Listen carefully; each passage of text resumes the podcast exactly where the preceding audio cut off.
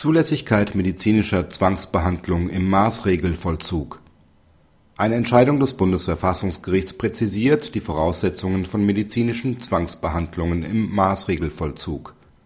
Der Beschwerdeführer befindet sich seit 1999 im Maßregelvollzug, nachdem er versucht hat, seine Frau und seine Tochter zu töten. Er leidet an einer paranoiden Psychose, die auch für die Anlasstat ursächlich war. Nachdem er eine freiwillige Behandlung seiner psychischen Erkrankung mittels Psychopharmaka abgelehnt hatte, leitete die Klinik eine medikamentöse Zwangsbehandlung ein. Dabei stützte sie sich auf § 6 Absatz 1 des rheinland-pfälzischen Maßregelvollzugsgesetzes, wonach Behandlungen zur Erreichung des Vollzugsziels auch gegen den Willen des Betroffenen durchgeführt werden können. Nach Ansicht des Bundesverfassungsgerichts genügen die einschlägigen Vorschriften dieses Gesetzes nicht den Anforderungen, die an Ermächtigungsgrundlagen für medizinische Zwangsbehandlungen im Maßregelvollzug zu stellen sind.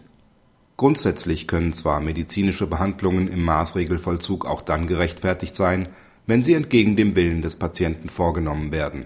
Wegen des damit verbundenen schwerwiegenden Eingriffs in das Grundrecht auf körperliche Unversehrtheit nach Artikel 2 Absatz 2 Grundgesetz sind aber strenge Anforderungen an eine entsprechende Ermächtigungsgrundlage zu stellen. Eine derartige Zwangsmaßnahme ist nur zulässig, wenn der Betroffene krankheitsbedingt einsichtsunfähig ist.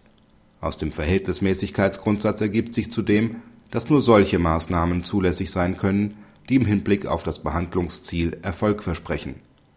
Zudem dürfen mildere Mittel nicht zur Verfügung stehen. Unabhängig davon, ob der Betroffene einwilligungsfähig ist oder nicht muss er stets über das Ob und Wie der geplanten Behandlung aufgeklärt werden.